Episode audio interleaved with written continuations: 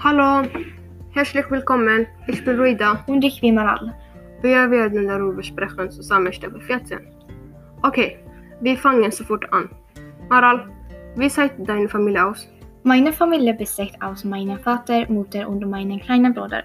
Und wie sieht deine Familie aus?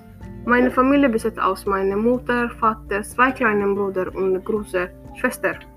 Welches Fach hast du in der Schule und welches ist deine Lieblingsfach?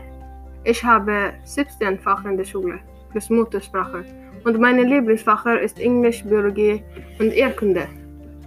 Welche ist deine Lieblingsfach? Mein Lieblingsfach ist Mathe, Biologie, Erdkunde, Deutsch und Kochen. Was machst du in deiner Freizeit?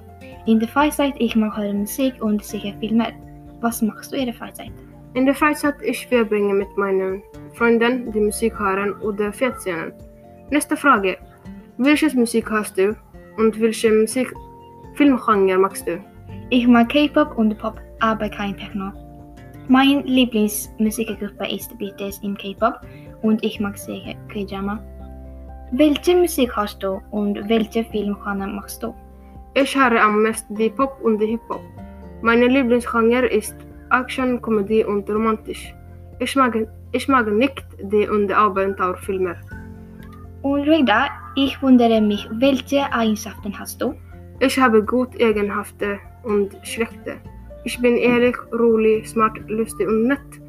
Ich kann sein nervös meistens. Sie und ich hasse es. Welche Eigenschaften hast du?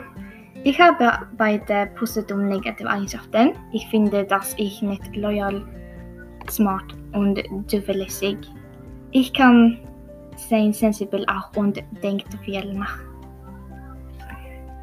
Danke fürs Zuhören. Tschüss! Tschüss!